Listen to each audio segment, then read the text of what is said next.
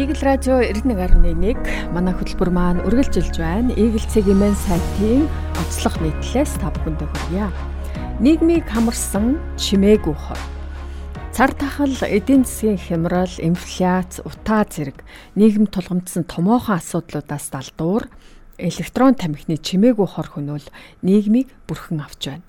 Учир нь өсвөр насны хүүхэд хөгшөд залуусгүй ил тамхиг сүүлийн үед мод гэж эндүрэн хэрэглэх боллоо. Харин электрон тамхиг хортой гэдгийг мэрэгжлийн байгууллагаас тогтоогод байгаа юм. Электрон тамхины хор хөнөөл Электрон тамхи нь үндсэн дөрвөн найрлагаас бүрддэг. Үүнд ус, никотин, амт оруулагч, пропилен гликол эсвэл ургамлын глицерины суур багтдаг юм байна. Эдгээр үндсэн дөрвөн найрлагыг тус бүрд нь авч үзье. Никотин электрон болон уламжлалт тамхинд агуулгаддаг донтуулагч бодис юм. Энэхүү бодис нь төв мэдрэлийн системийг идэвхжүүлж цусны даралт, амьсгал, зүрхний цохилтыг нэмэгдүүлдэг байна. Мөн тархинд очиж допамины хэмжээг нэмэгдүүлж сэргэж байгаа мэдрэмжийг тухайн хүнд төрүүлдэгч аажмаар биеийг нь солиулдаг байна амт оруулагч, энтор, наргил мод, шанцай гэх мэт төрөл бүрийн жимс жимсг нь гааны амтыг электрон тамхинд оруулсан байдаг. Өнөөдрийн байдлаар дэлхийд дахинд 7000 гаруй нэр төрлийн амт оруулагч бий гэсэн байна. Тэдгээрт диацетил гэх химийн бодис агуулгаддаг байна. Үүгээр амьсгалснараа уушиг гэмтдэг гинэ.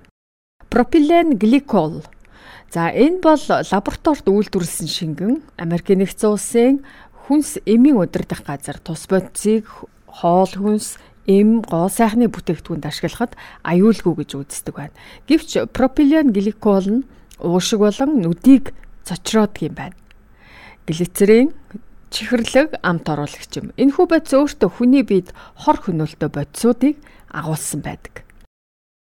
Электрон тамхинаас үүдэн 2020 онд 68 хүн нас баржээ. Америкийн нэгдсэн улсын өвчний хяналт урдшин сэргийлэх төв электрон тамхинаас үүдсэн нас баралтыг тооцоолж гаргасан байна. Судалгаанд 2020 онд электрон тамхинаас үүдэн 68 хүн нас барж 2807 хүн өвчлсөн байна. Мөн ахлах сургуулийн сурагчид электрон тамхиг хэрэглэх нь 2014 онд 65% байсан бол 2018 онд 68% болж өссөнийг онцлон дурджээ. Харин Нью-Йоркийн их сургуулийн ангаах ухааны профессор Дэвид Абрамс электрон тамхи болон тамхи татдаггүй хүмүүсийн биед хорт бодис ямар хэмжээгээр агуулгадж байгааг наривчлан судалжээ. Тэрээр электрон тамхи нь уламжлалт тамхиг бодвол никотины хэмжээ бага гэвч ам түнэр оруулагч пропилен гликол дагуулгадж байгаа бодиснууд нь илүү хортой юм гэсэн байна. Бид хүний биед өвчин үүсгэгч химийн хорт бодис илрүүлэх 45 мэдрэгчийг байршуулан технологийн тусламжтайгаар илрүүлсэн. Үүгээр тамхи огт татдгүй хүний биед хорт бодис 0, электрон тамхи хэргэлдэх хүнийх 12 гарсан байна. Энэхүү хэмжээ нь электрон тамхи хорт тавдар үүсгэх эрсдэлтэй эсхийг хэлэхэд эрт байна. Гэвч тамхи татдгүй хүнээс архаг хууч өвчнөд болох эрсдэл өндөр байгааг харуулж байна гэв. Ерөнхий боловсролын сургуулийн хүүхдүүд электрон тамхи татах нь ихсээд байна шүү. Эцэг эхчүүд багш нар ухааруулж хэлэх хэрэгтэй байна хэмээн боловсрол шинжлэх ухааны сайд энх амгалан өөрийн цахим хуудсандаа мэдээлээд байгаа.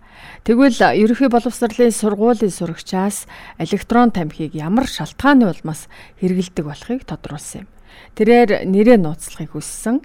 За би электрон тамхиг татаад нэг жил болж байна. Аав ээж ангийн багшаасаа нууж хэргэлдэгэ. Энэхүү тамхиг татхаар мансуурах мэдрэмж авдаг. Тэр нь их гоё санагддаг. Бас энгийн тамхи татахтай харьцуулбал зөөлөн тамхины үнэр хувцсан чингэдгүй электрон тамхиныг шингэн дуусгаар би дэлгүүр рүү ороод авчихдаг. Зарим газар насанд хүрээгүй байна гэд надад зардгвэ гэсэн юм. Электрон тамхиг олон оронд хоригдогч манай улсад зөвшөөрдөг. Америк, Япон, Малайз, Орос зэрэг томоохон орнууд электрон тамхи хэрэглэхийг хуулиараа хориглосон байдаг. Үүгээр тус тамхиг худалдаалах, худалдан авах, хэрэглэхийг хориглосон юм байна. Хэрвээ зарж борлуулсан тохиолдолд их хэмжээний торгуул ногдуулахаас гадна ял авах хүртэл хариуцлага тооцдог юм байна. Харин манай улсад электрон тамхиг тамхины хяналтын тухай хуулиар зохицуулдаг байна. Үүнд тус тамхиг хэрэглэсэн хүнд ямар нэг хариуцлага тооцохгүй бөгөөд зөвхөн 21 нас хүрээгүй хүнд худалдах, худалдан борлуулахыг хориглосон байна. Дэлхийн жишээг ийм байхад манай улс ч бас тамхины хяналтын тухай хуульд нэмэлт өөрчлөлтийг оруулж 21 нас хүрээгүй хүн тус тамхиг хэрэглэвэл ямар нэгэн хуулийн хариуцлага үүрүүлдэх байх хэрэгтэй юм а.